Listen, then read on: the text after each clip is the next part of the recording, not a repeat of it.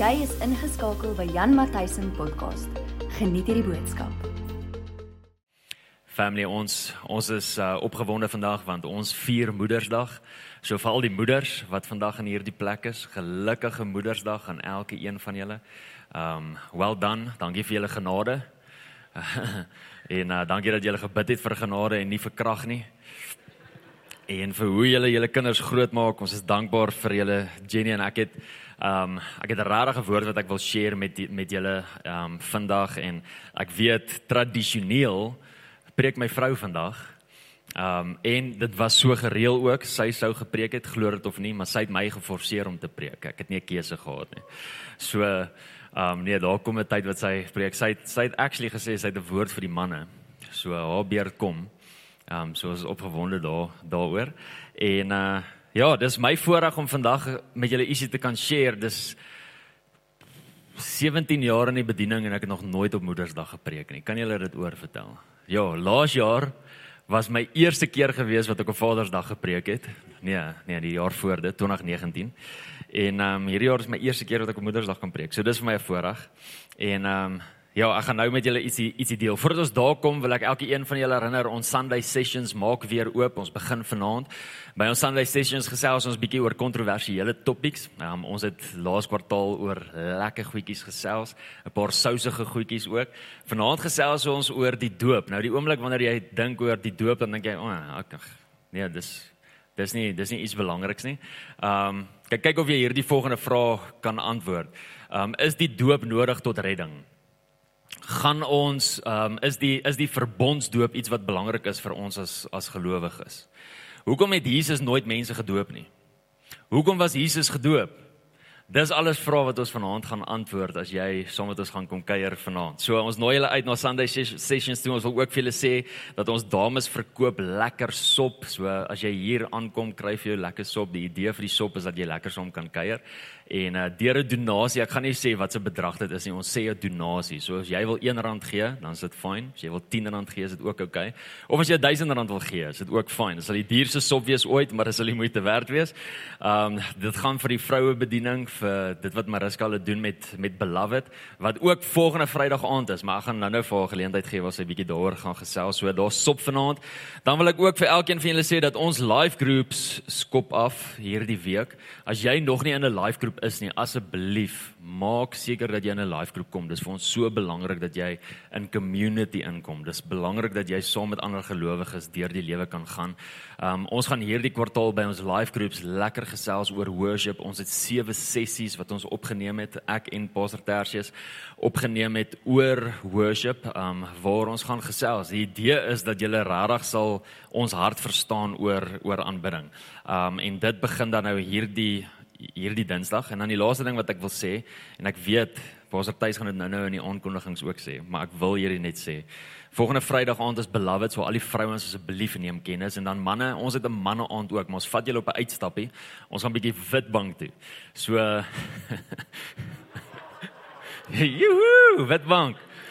Uh nee, dit gaan regtig lekker wees. Cleet Stevens kuier bietjie saam met Enrico um daar by hulle by die plot en ons as manne gaan bietjie deurry om saam met hulle tyd te spandeer daarso. So ons ry half 6 hier van die kerk af. So al die manne wat wil saam gaan half 6 kom ons hier by die kerk bymekaar en dan ry ons van hier af saam deur om 'n lekker aand saam met Cleet Stevens en Enrico te gaan geniet. Dit kos niks nie.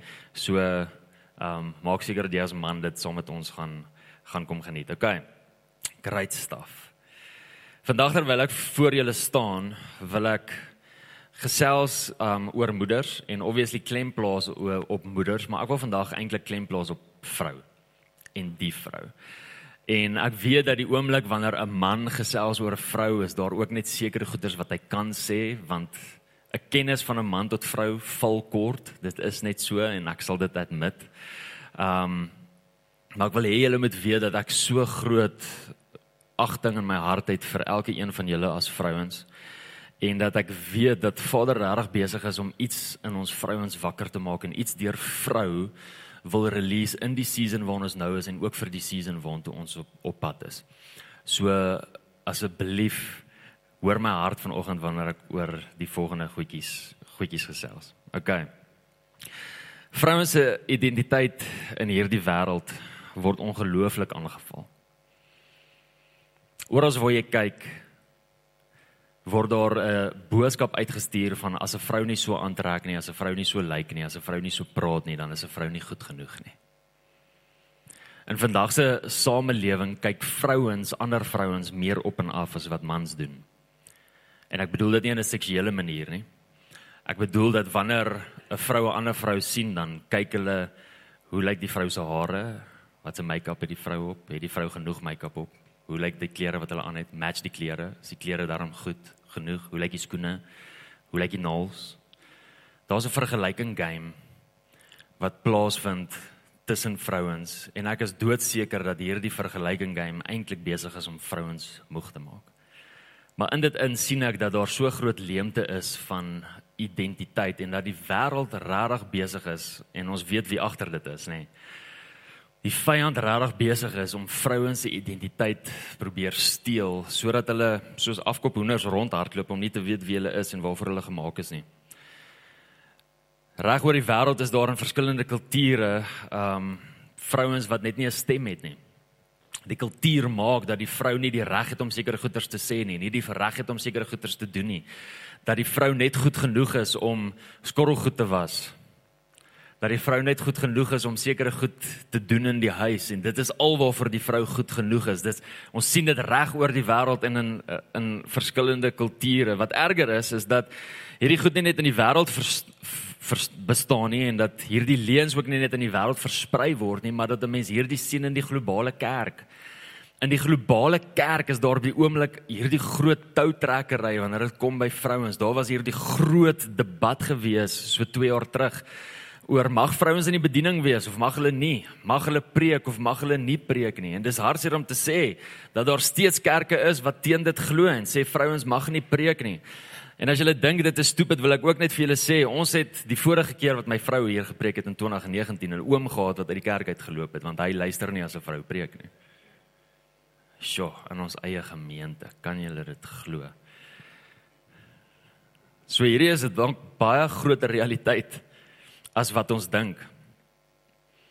Die nominasies stry onder mekaar oor hoe 'n vrou mag wees en hoe 'n vrou nie mag wees nie en mag sy preek of mag sy nie preek nie. Hierdie goed bestaan in die kerk ook nie net in die wêreld nie.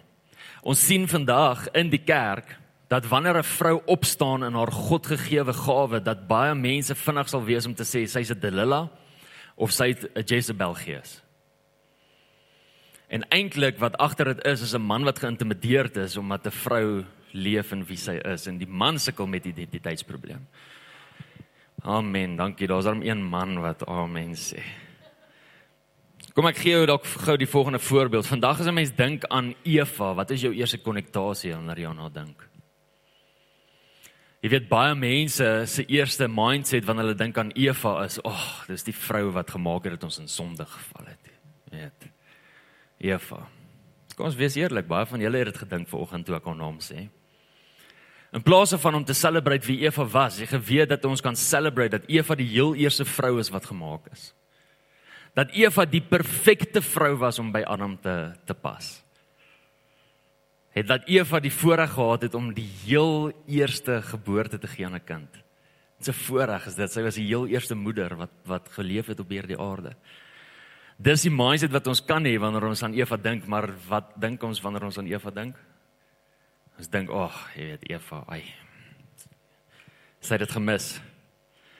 As ons dan na al hierdie dinge luister, vrou, ma, dan wil ek vir julle sê dit dwing my om die volgende vraag te vra.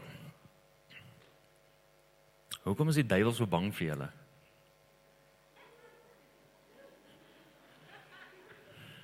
Wat is sy storie? Hoekom is hy so bang vir julle? Ek wil ietsie wys. Een van die mans het gesê hy is ook bang. Gaan nie goed. kan ek vir julle ietsie wys? In Genesis 3, daar waar dit nou Eva se skuld is dat ons nou in die sondeval geval het, nê? Daar in Genesis 3 sien ons hierdie gedeelte waar waar God besig is om uitspraak te gee oor dit wat daar gebeur het. En in vers 15 staan die volgende. Hy sê, hoor hoor hierso, dis God wat by praat, nê? En hoor wat sê God? Hy's besig om met die vyand te praat. Hy's besig om met Satan te praat. Hy sê en ek sal vyandskap stel tussen jou en die vrou. Dis nogal vir my profound. Het jy geweet dat God nie dit gesê het vir die vyand en Adam nie? Het jy geweet dat daar vyandskap is tussen vrou en Satan, maar daar's nie vyandskap tussen man en Satan nie. Dis weird. En in hierdie mooi gedeelte waar daar nou vyandskap verklaar word tussen die vyand en en vrou, word die volgende gesê: "En tussen jou saad en haar saad." Hy sal jou die kop vermorsel en jy sal hom in die haksteen byt en ons weet dat hierdie die heel eerste profesie is van ons redder wat kom, ons Messias, um wat gaan kom. So die saad waarvan hy daar praat is Jesus. Ons verstaan dit. Maar wie van julle weet dat Jesus nie gebore was uit Eva uit nie, maar uit Maria uit? Wat beteken dat daar 'n belofte was wat gespreek was vir Eva en dat hierdie belofte wat gespreek was aan Eva die DNA kom voeder kom kom sit het kom plaas het van wie 'n ma sal wees as moeder dat elke moeder van Eva af reg daarna die DNA het van om 'n belofte te dra. En dis waar ek vandag wil gesels dat jy as ma en jy as vrou geroep is om promise carriers te wees. Jy is geroep om belofte draers te wees vir ons God. Kom ek sê die volgende en en die mans as as jy in kompetisie is dan gaan jy dalk nie van hierdie hou nie. Maar kom ek sê die volgende. Daar's iets wat vrouens weet van hoe om vas te hou aan 'n belofte wat ons as mans nie sal weet of kan verstaan nie. Ek het dit gesien in my eie ma se lewe en ek sien dit in my vrou se lewe. Daar's daar's iets wat 'n vrou verstaan rondom hoe om vas te hou aan 'n belofte wat 'n man nie verstaan nie. En ek sal dit nou-nou as ek nou klaar is met my boodskap, dan sal julle dit dalk verstaan. Hoekom ek so sê. Maar julle is van nature belofte draers. God het hierdie gespreek oor jou as vrou, die oomblik toe daar vyandskap verklaar was tussen jou en Satan is daar ook verklaar dat jy op 'n plek sal wees waar jy 'n belofte sal dra as vrou. Wat jou eintlik veronderstel is om om jou excited te maak. Daar's iets unieks aan om 'n moeder te wees. En daar's iets wat ons as kerk kan leer by julle as as moeders. Wie veel weet dat hierdie jaar is die jaar van beloftes. So ek dink dat hierdie woord eintlik meer profound is as wat ons as wat ons dink. Want ons het ervaar dat Vader hierdie jaar gaan kom en gaan amen sê op beloftes en nie net dit nie dat hy ook gaan kom en nuwe beloftes gaan gee, nuwe beloftes gaan gaan spreek. En ons staan in o want hy het al kom amen sê op klomp beloftes um deur hierdie jaar en ons weet dat hy gaan amen sê op nog beloftes wat wat gaan kom. Maar juis as gevolg van dit wat julle as vrouens dra, kan ons by julle kan kom leer oor hoe om hoe om deur hierdie ding te werk. Ek gaan nou-nou gou gou ietsie sê. Ek het so 'n bietjie vir my vrou verduidelik hoe awkward dit is vir 'n man om om deur 'n belofte te werk en waar dit net vir haar net eenvoudig is. Julle gaan nou-nou, sorry, ek hardloop my nou self vooruit. Ek wil gesels oor drie vrouens vandag. Eva is nie een van hulle nie. Ek wil gesels oor drie ander vrouens. Ek wil gesels oor Sara. Kom ons praat eers gou eers oor oor Sara. Abraham se vrou Sara of Sarai of hoe ook al jy haar naam wil uitspreek. Goue vraagie. Wat is jou eerste konnektasie aan Sara? Die oomblik wanneer jy dink aan haar. Wie van julle is die eerste konnektasie is dis die vrou wat gelag het toe sy die belofte gehoor het.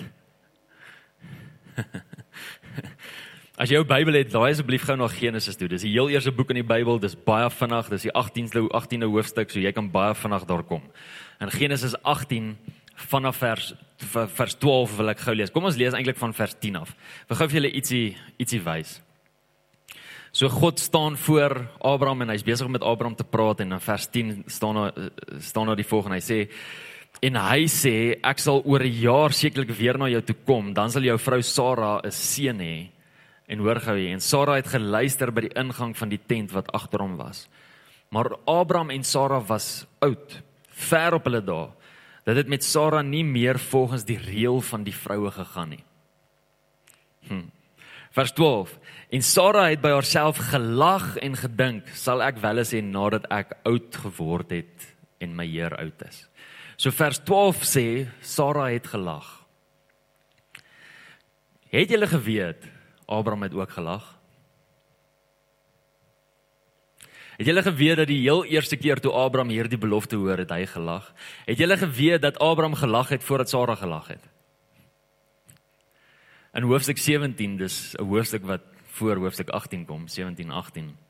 Wat beteken dat dit gebeur het voordat dit in in hoofstuk 18 gebeur het. Kom God en hy praat met Abraham juis oor die belofte. Juis oor hierdie gedeelte, juis oor dit wat hy gaan doen deur sy lewe. Hoor gou hier in vers 17. So jy behoort net daar te wees. Dis so maklik. Genesis 17 vers 17. Toe Abraham hierdie hoor, toe val Abraham op sy aangesig en hy lag en sê in sy hart: "Kan daar vir een wat 100 jaar oud is 'n kind gebore word of kan Sara wat 90 jaar oud is baar?" So newsflash, Abraham het eers gelag. Nie Sara nie. Sara het ook gelag. Dit is my interessant dat die Here nie vir Abraham uittrap omdat hy lag nie. Ek dink ook nie ek dink ook nie die Here het vir Sara uitgetrap nie, maar hy het vir Abraham gevra hoekom lag sy?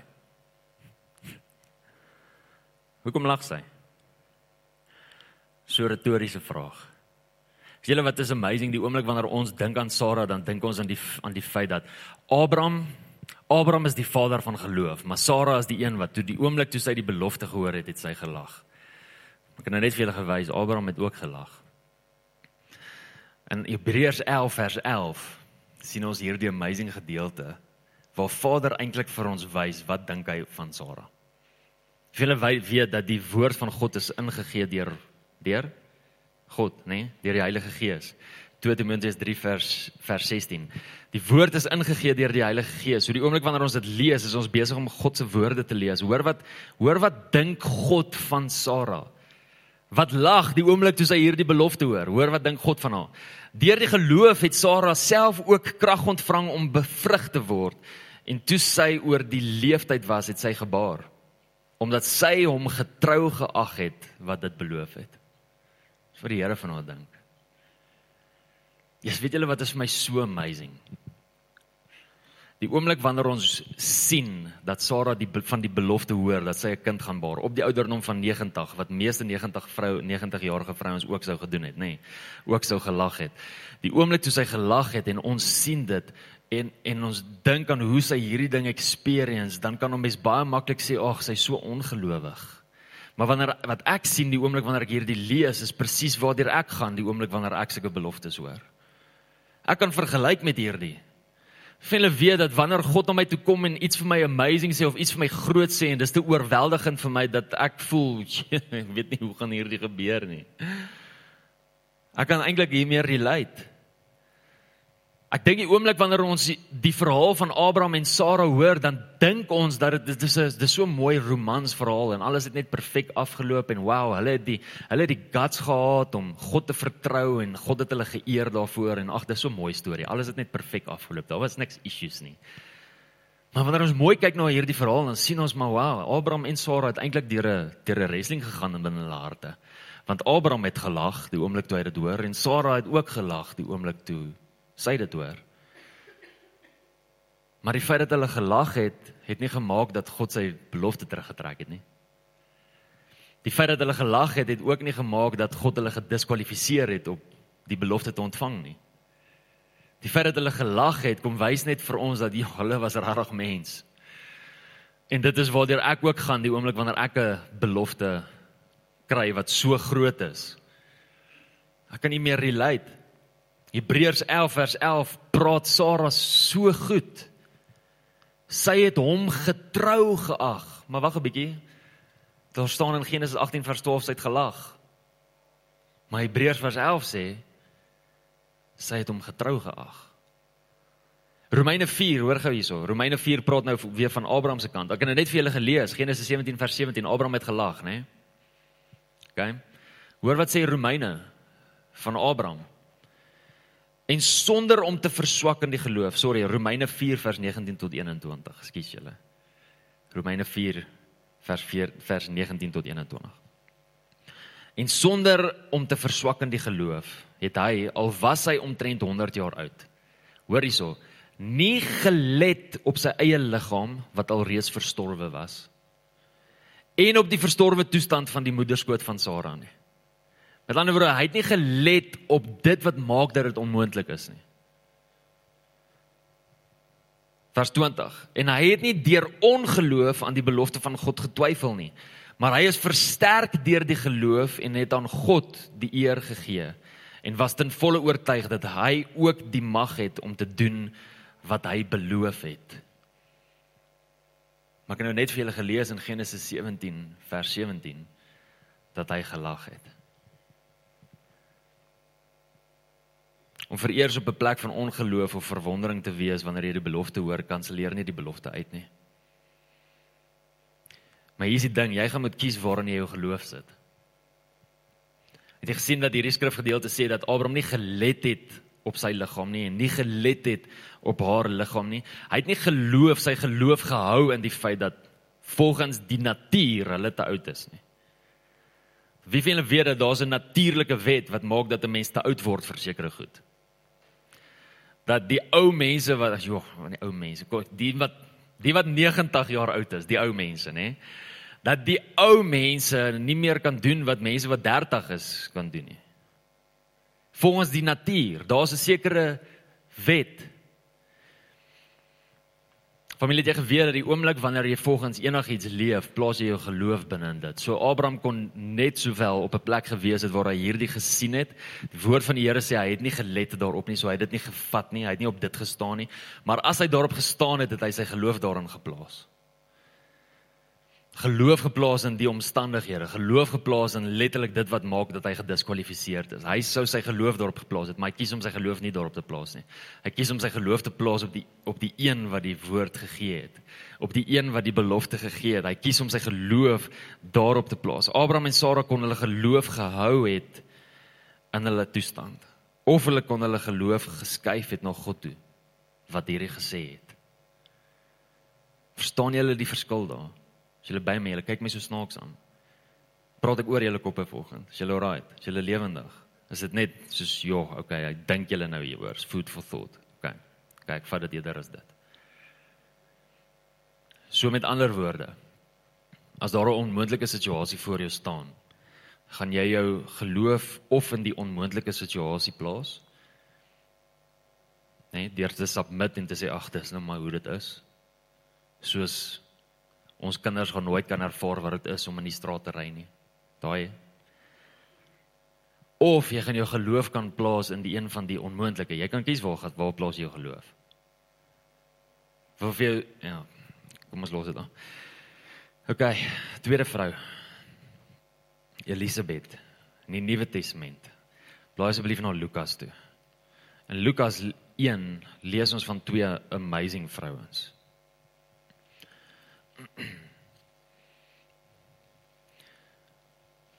En die eerste een is is Elisabeth.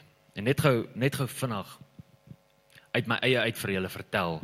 Die hele verhaal speel speel af vanaf vers 5 tot en met vers 38. Lees ons oor oor Elisabeth en Maria en eintlik gaan dit na dit ook aan oor hoe hulle twee toe nou bymekaar uitgekom het en al die goedjies maar julle weet hulle was familie gewees en En julle weet wie die kinders is wat uit hulle uitkom. Elisabeth, Johannes die Doper het uit haar uitgekom en Jesus het uit Maria uitgekom. Ons weet dit en julle weet dat Jesus en en Johannes neefies was. Maar maar hoor gou hierdie ver, hierdie verhaal. Elisabeth se man Sagaria is 'n is 'n priester en hy's besig in die tempel om wierook te brand vir die Here, om insens te brand vir die Here. En terwyl hy besig is om dit te doen, verskyn 'n engel van die Here aan hom, Gabriël. Nader sien ons dat dit Gabriël is. Verskyn aan hom en praat met hom oor 'n belofte. En hoor wat hoor wat sê hy vir vir haar, um vir hom, sorry. Hy sê moenie vrees nie Sagaria want jou gebed is verhoor, vers 13.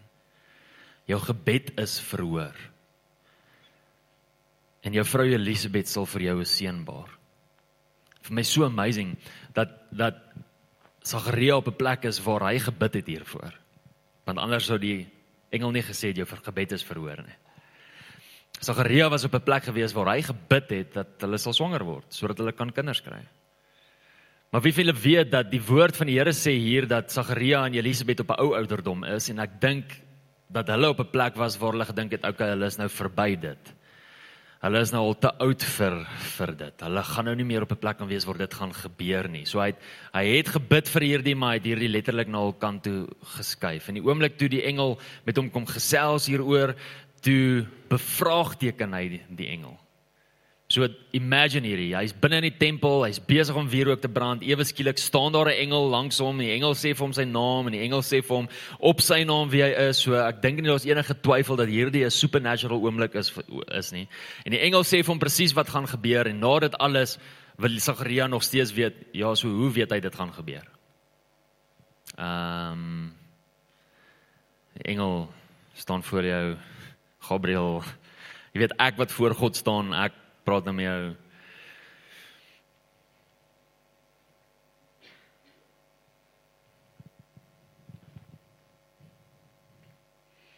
Is my so is my so interessant. Jy weet Abraham en Sara, die oomblik toe hulle die belofte kry, toe lag hulle daaroor. Sagaria, die oomblik toe hy hierdie belofte kry, hierdie woord kry, toe bevraagteken hy dit gaan nou sien dat Maria ook op 'n plek was waar sy respond het. Dit is vir my so interessant hoe ons almal verskillend reageer die oomblik wanneer wanneer daar 'n belofte kom. Dat ons almal se verhouding met die Here anders lyk. Dit is eintlik so mooi. Wys jy ons kan leer by mekaar. Maar hoor wat gebeur die oomblik toe Sagaria die die engel bevraagteken. Toe word hy ges, geslaan met stomheid. So met ander woorde, hy kon nie praat nie en die engel sê vir hom hy sal eers weer kan praat nadat die kind gebore is. Dis 'n interessante gedeelte nê en ek weet julle het al baie preke daaroor gehoor en ek weet daar's baie wat ek daarvan daarvan kan sê, maar ek wil julle bring ek wil julle eintlik onder die volgende aandag bring. In vers 36. In vers 36 is is die verhaal eintlik nou al verby. Die engel het nou lankal gepraat met Elisabeth, ag met Sagaria. En let ook asseblief die verskil tussen tussen Elisabeth en en en Maria. Die engel het gekom en met Sagaria gepraat oor die belofte, nie met Elisabeth nie. Maar die engel het gekom en met Maria gesels oor die belofte, nie met Josef nie. Is interessant, hè? Die soewereine Here. Hy doen wat hy wil. Hoor gou wat staan ons sê in in uh vers 36. Die engel is besig om met met uh, Maria te praat en hierdie is wat hy vir Maria sê. Hy sê en kyk Elisabeth, jou bloedverwant, het self ook 'n seun ontvang in haar ouderdom en hierdie maand is die 6de hoor hoor hier hoor mooi vir haar wat onvrugbaar genoem is. So. Goue vraagie. Wie het haar onvrugbaar genoem? Wie het haar onvrugbaar genoem? Nie God nie. God het haar nie onvrugbaar genoem nie. Mense het haar onvrugbaar genoem. Hoekom? Want sy is op 'n sekere ouderdom en sy het nog nie gebaar nie, so die natuurlike ding wat 'n mens sê is o, sy is onvrugbaar. Hoor hoor gou hier. Dit wat gespreek was in die fisiese was bekend gewees in die geestelike.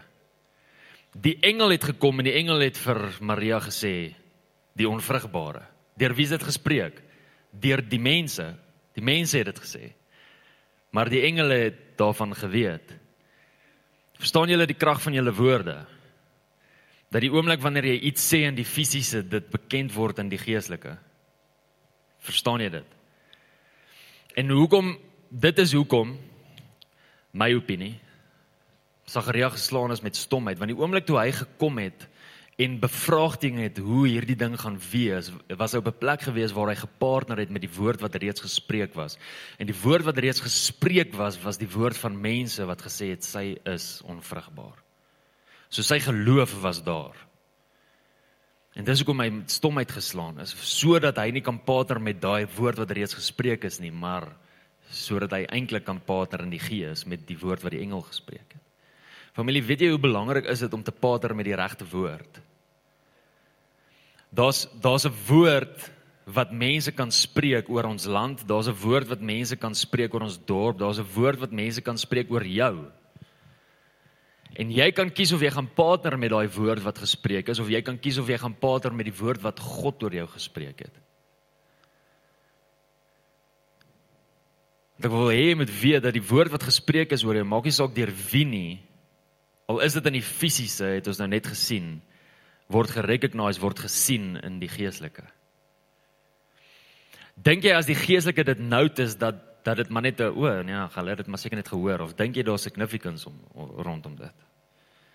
Vir sê dat ons as gelowiges baie keer heeltemal te naïef is oor sekere goed en net dink, ag wat, ja, dis sommer so, ja. Mag en weet lewe en dood lê in die mag van die tong, maar dis eintlik net 'n baie mooi spreuke. Dis eintlik nie die waarheid nie. Dit is 'n mooi gedagte. Maar eintlik is dit nie die waarheid nie. Terwyl ons die woord lees en sien dat hierdie engele selfs reageer op hierdie woorde wat gespreek is. Maar hoor hier, dat selfs al was daar 'n woord gespreek in die fisiese, die woord wat gespreek was deur God, die fisiese woord getramp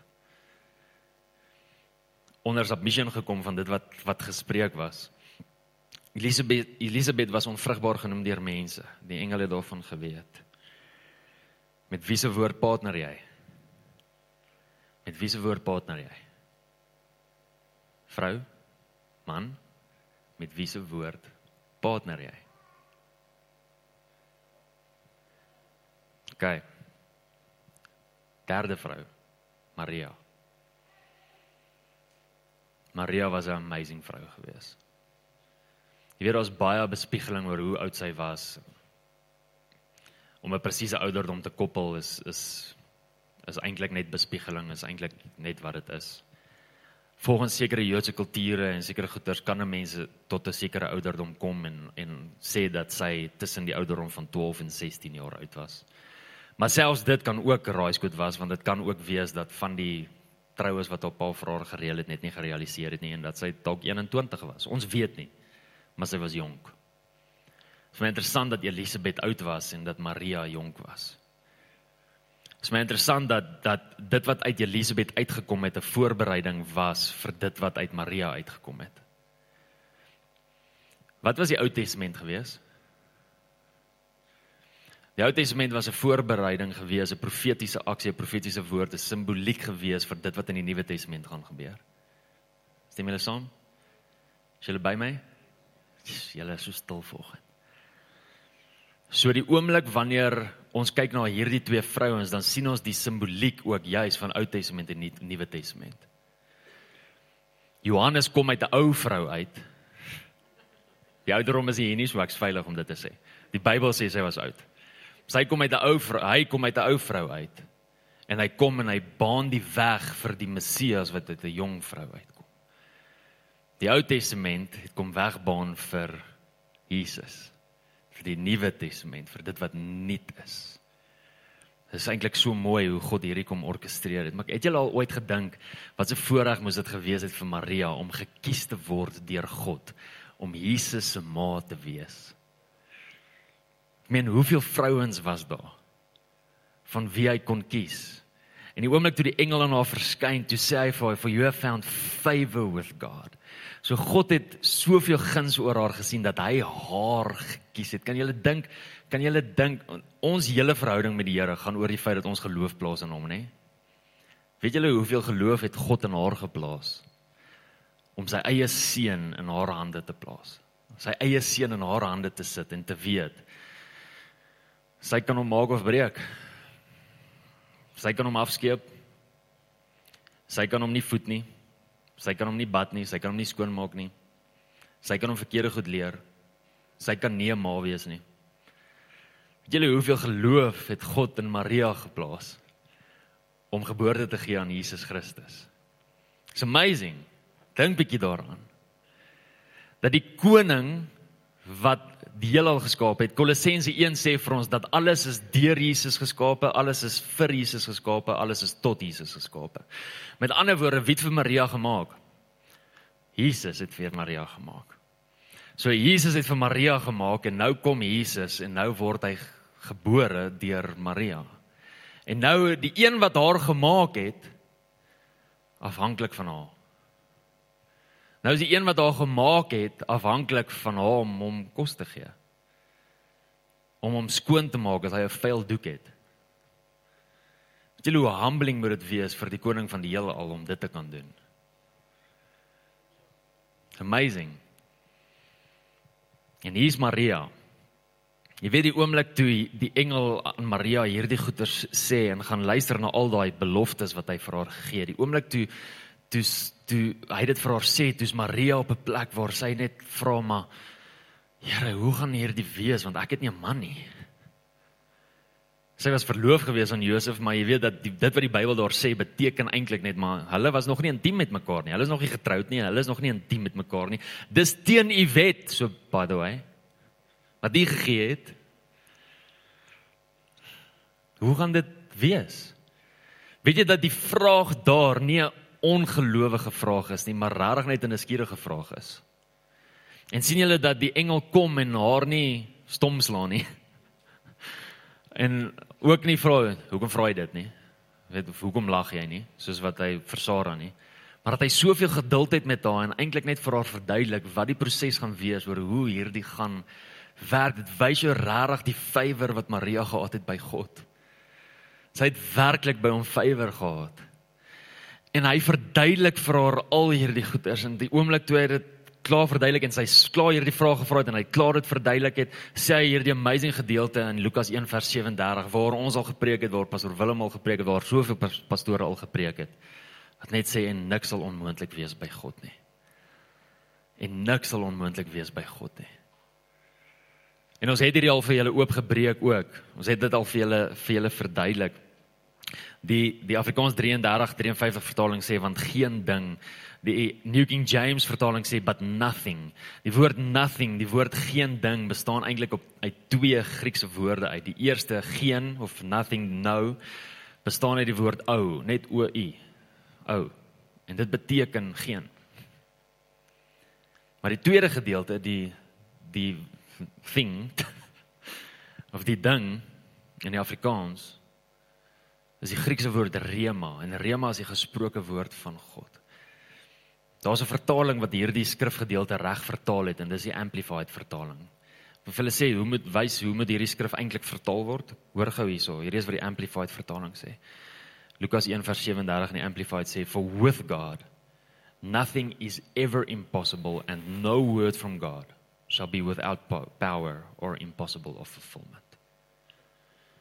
For with God nothing is ever impossible, and no word from God shall be without power or impossible of fulfillment. En Maria luister al hierdie goeters en hoor Maria se se respons in vers 38. Hier's haar respons.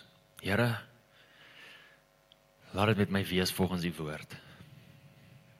Met ander woorde, Jesus Here, ek hierdie is te groot vir my. Ek ek verstaan dit nie. Ek hoor wat hy sê en het alles verduidelik en hy sê dat niks is onmoontlik by die by by by God nie, maar ek wil nie in ongeloof optree nie en dis hoekom ek net sê, "Jog, Here, laat dit laat dit net gaan volgens u woord." Op 'n ander woord, moenie met dit my gaan volgens hoe ek dit verstaan nie. Laat dit met my gaan soos soos wat u woord sê, soos wat dit in u woord bepaal. En mag dit ons reaksie wees die oomblik wanneer God kom en vir ons 'n belofte gee wat ons nie verstaan nie. Jy weet in in 2019 toe ek agter hierdie kansel staan en vir ons familie sê Jesus sê ons moet bou. Het ek nie verstaan nie. Ek sal eerlik wees met julle, dis al 2 jaar later en ek verstaan nog steeds nie. Want daar agter is bouplanne vir 'n 1000 seater auditorium wat hier gaan opkom en hier gaan gaan staan. En die oomblik wanneer 'n mens na dit kyk, dan dink 'n mens maar ja, ek verstaan nie. Hoe gaan dit gebeur nie? Weet nie. Maar ek wil reageer soos wat Maria gereageer het. Here, mag dit met ons gaan volgens die woord. Volgens dit wat in die hart was. Familie, so hier's drie vrouens. Sara, Elisabeth, Maria. Al drie van hulle het die voorreg gehad om moeders te wees. Maar al drie van hulle het die voorreg gehad om letterlik geboorte te gee aan beloftes. Wie van julle weet dat hulle belofte nie net in vervulling gekom het die oomblik toe hulle geboorte gegee het nie, maar dat hulle beloftes letterlik rondgeloop het.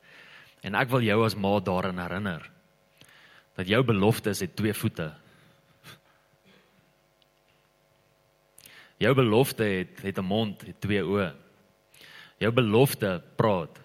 Jou belofte het begeertes. Jou belofte het 'n lewe.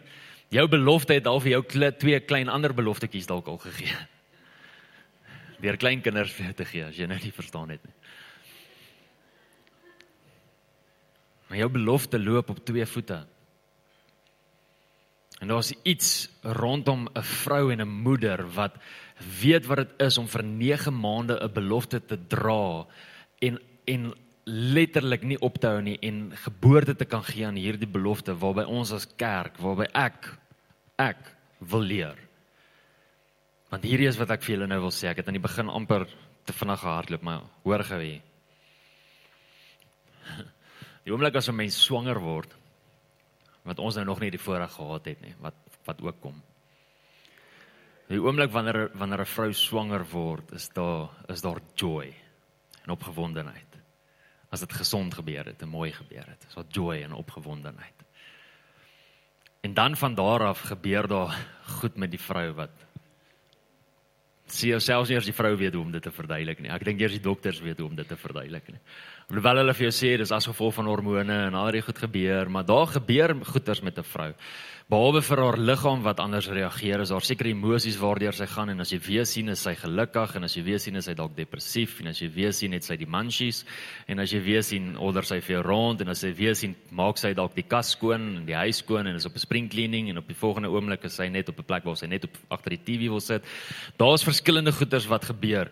Hoekom sê ek al hierdie goeters? Want Yes, ek ervaar dit in die gees. En ek is so confused. Hoor hoor my mooi, hoor hier. God het gekom en vir ons beloftes gegee. Familie, die oomblik wanneer jy uitstap by daai deur, dan sal jy sien daar's 'n papier met ek dink 23 beloftes op. Wat wat God vir ons as 'n huis gegee het en en En hoor my mooi, die oomblik toe ons daai beloftes vir die eerste keer gehoor het, toe ek so opgewonde binne my hart. Wow, die Here het gesê ons moet 'n auditorium auditorium bou. Dit is so amazing. Ja. Dit is al 2 jaar later. En in hierdie 2 jaar het ek nou al deur emosies gegaan. Liewe ouers. Ek was opgewonde geweest. Ek was al op 'n plek waar ek depressief is oor die auditorium. Ek was op 'n plek gewees waar ek rarig net nie verstaan het okay wat se kant toe, wat moet ons nou doen nie. Ek het nie geweet eers wat se keuse is om te maak op 'n stadium nie. Ek is rarig net op 'n plek waar ek mens deur soveel goeters wrestel. Dan is mens opgewonde, dan is 'n mens depressief. Dan gaan jy deur 'n plek waar jy voel okay, jy's rarig nou besig om te wrestel. Jy's besig om hierdie ding te stoei en dan en dan voel dit vir jou of jy wen en dan voel dit vir jou nee, wen nie. En ek sê vir my vrou, soos ek weet nie rarig om uiting te gee aan hierdie ding nie want ek ervaar letterlik in my gees dat ek in swangerskap is, letterlik in die gees, maar ek as man verstaan nie waardeur ek gaan nie. Maar jy as moeder, jy verstaan. Jy verstaan waardeur ek gaan, want jy het dit in die fisiese al beleef. En ons as kerk het nodig dat julle as moeders ons help in hierdie tyd. Kom ek sê net gou die volgende. Daar's daar's iets wat God besig is om te te release deur vrouens reg oor die wêreld. En kom ek sê die volgende. God is besig om vrouens reg oor die wêreld geestelik swanger te maak met sy drome.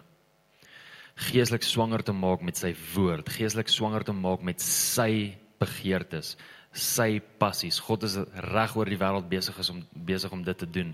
En daar's iets wat hy deur julle as vrouens gaan release waarop die kerk gaan uitmis as julle nie daaraan geboorte gee nie. En die moeders, die fisiese moeders het het die geleentheid om ons, daardie vrouens wat hierdie geestelik dra en ons as mans wat ook dra aan beloftes en ook dra aan dit wat God besig om te sê, te help om ons te laat verstaan waardeur ons gaan. Want ons emosies gaan op en af. En ons verstaan nie waarmee ons besig is om te wrestle nie. En ons verstaan nie waar ons is in die proses nie. En ons verstaan nie hoekom is ons nou depressief en hoekom is ons nou honger en hoekom wil ons nou glad nie meer eet nie en hoekom is ons nou naar vir alles. En hoekom gaan ons deur al hierdie goeie spiritually? Want ons daar's letterlik iets in die fisiese wat ons in die geestelike kan verstaan. God het dit so mooi gemaak. Hy het dit so mooi kom kom wys van ons. Ma, moeder, Dankie vir die feit dat jy vasgebyt het tot op 'n plek waar jy geboorte gegee het. Want as jy nie het nie, was daar nie uiting aan die belofte nie. Dan kom ons gaan nou weg van die fisiese. Ons praat nou net geestelik. Maar help ons om geestelik uiting te kan gee vir die belofte wat geplant is binne in ons harte. Sodat ons kan geboorte gee aan dit wat God gesê het vir ons. Maar in die geestelike wees faithful met daardie belofte wat geplant is binne in jou gees en bring uiting tot dit want anders gaan die wêreld armer wees. Dis nodig vir jou om vas te staan op dit wat God vir jou gesê het. Onthou julle Hebreërs 11 vers 11, Sara het gesê sy het hom getrou geag. Sy het hom getrou geag. Abraham het gesê Romeine Romeine 4 vers 2021 verduidelik. Hierdie is waar waardeur Abraham gegaan het. Hy het geweet dat die een wat dit gesê het ook by magte was om dit te doen. Daar's beloftes. Daar's woord wat gespreek is. Daar's woord wat gespreek is oor hierdie huis. Daar's woord wat gespreek is oor hierdie dorp. Daar's woord wat gespreek is oor hierdie land. Daar's woord wat gespreek is oor jou persoonlik. En ek ervaar hoe die Here besig is om ja, kan ek sê geestelike induksie te bring. Vir van die ma sal dit nou obviously sin maak. Maar ek ervaar hoe die Here besig is om geestelike induksie te bring sodat die belofte tot vervulling kan kom. Sodat 'n letterlike geboorte kan gegee kan word aan hierdie belofte wat gedra word. En dit is belangrik vir ons om faithful te kan staan in dit wat God gesê het. Dankie dat jy saam met ons geluister het. Onthou om te subscribe op hierdie podcast. Volg ook vir Jan op Facebook en YouTube. Tot 'n volgende keer. Die Here seën jou.